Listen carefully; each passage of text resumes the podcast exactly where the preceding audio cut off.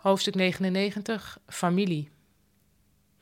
Toen ik voor het eerst in Japan was, op mijn 22ste, vond ik dat Japanners op elkaar leken. Dat is een cliché, maar ik vond het echt moeilijk om verschillen te zien. In het Westen ben je gewend om te letten op haar, huidskleur, kledingstijl. Dat zijn nou juist de dingen die in Japan vaak overeenkomen. Je moet dus leren om op andere dingen te letten. Hoe ziet de neus eruit? Hoe kijkt iemand uit zijn ogen? Dat leren gaat vanzelf. Toen ik een paar weken in Japan was, zag ik een man die erg leek op een vriend van mijn ouders. Hij was eigenlijk de Japanse versie van die vriend.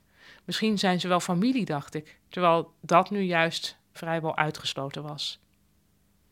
In 1999 zat ik in een overvolle metro in Tokio.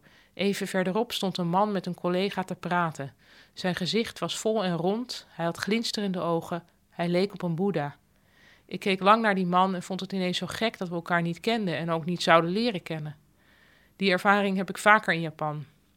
2018, een café in de chique Tokio'se wijk Ginza. Een café weggestopt op de achtste etage. Een ober, een jonge jongen nog, met een dikke bril, duidelijk verlegen met zijn rol in dit etablissement. Ik bekeek hoe hij zich bewoog en dacht precies te begrijpen hoe hij zich voelde.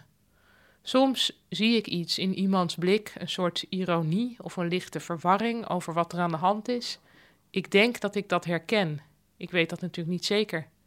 Die herkenning ontroert me, maar ik word er ook een beetje droevig van, want ik kan dat allemaal wel voelen en denken, maar omgekeerd herkennen Japanners waarschijnlijk niets in mij.